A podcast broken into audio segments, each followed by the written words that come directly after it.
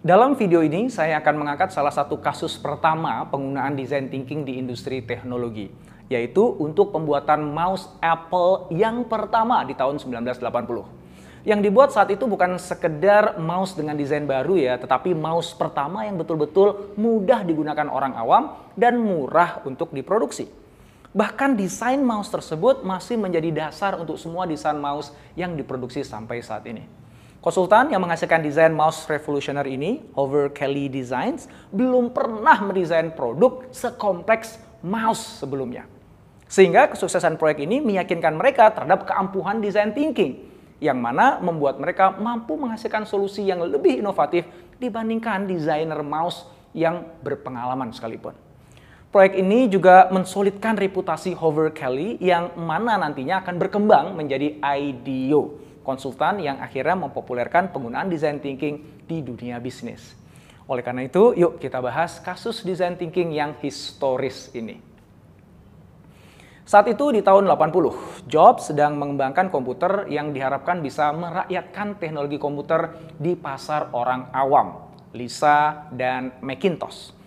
Namun, agar orang mampu dengan mudah mengoperasikan komputer dibutuhkan mouse yang sangat ramah pengguna yang belum ada di pasar.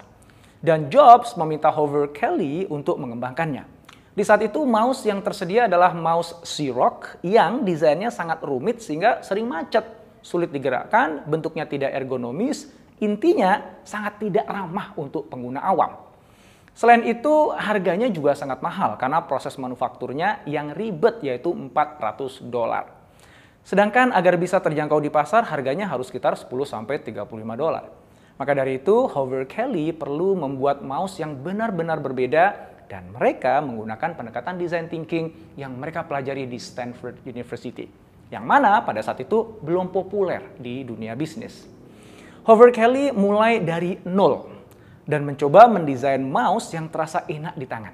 Mereka melakukan rapid prototyping dan hanya dalam satu akhir pekan mereka menghasilkan sebuah prototype yang pertama yang itu sangat simple menggunakan bola deodoran dan piring mentega. Tanpa ada elektronikanya sama sekali. Prototipe simple dan murah ini sudah cukup untuk tim bereksperimen dengan bentuk mouse-nya. Dengan mengamati prototipe pertama, tim menyadari bahwa agar mouse-nya bisa mudah digerakkan, bolanya harus seperti mengapung dalam mouse-nya. Yang mana posisinya bisa naik turun dengan mudah. Sehingga bolanya bisa bergerak dengan mulus tanpa gesekan meskipun kita tekan saat menggerakkannya. Dengan rapid prototyping, tim juga bisa mengamati bentuk mouse seperti apa yang nyaman untuk dipegang dan digerakkan.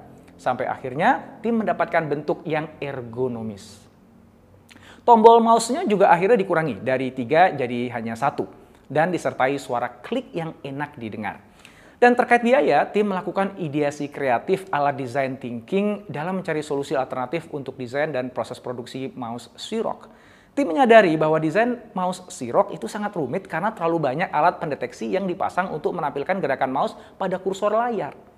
Tim menemukan solusinya ternyata dengan menggunakan sensor cahaya untuk melacak pergerakan bolanya. Meskipun hasilnya tidak seakurat Xerox, banyak alat pendeteksinya bisa dihilangkan dan biayanya kan jadi jauh lebih rendah. Selain itu, tim menyadari mouse Xerox sangat mahal diproduksi karena banyak komponen-komponen kecil dengan spesifikasi yang presisinya tinggi. Untuk mengatasi hal ini, tim mencoba membuat suatu cetakan plastik yang belum pernah dibuat sebelumnya.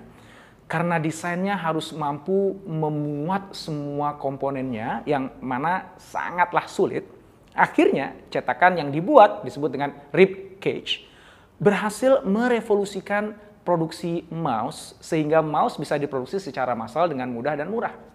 Dengan design thinking, tim Hover Kelly berhasil menjawab tantangan Steve Jobs.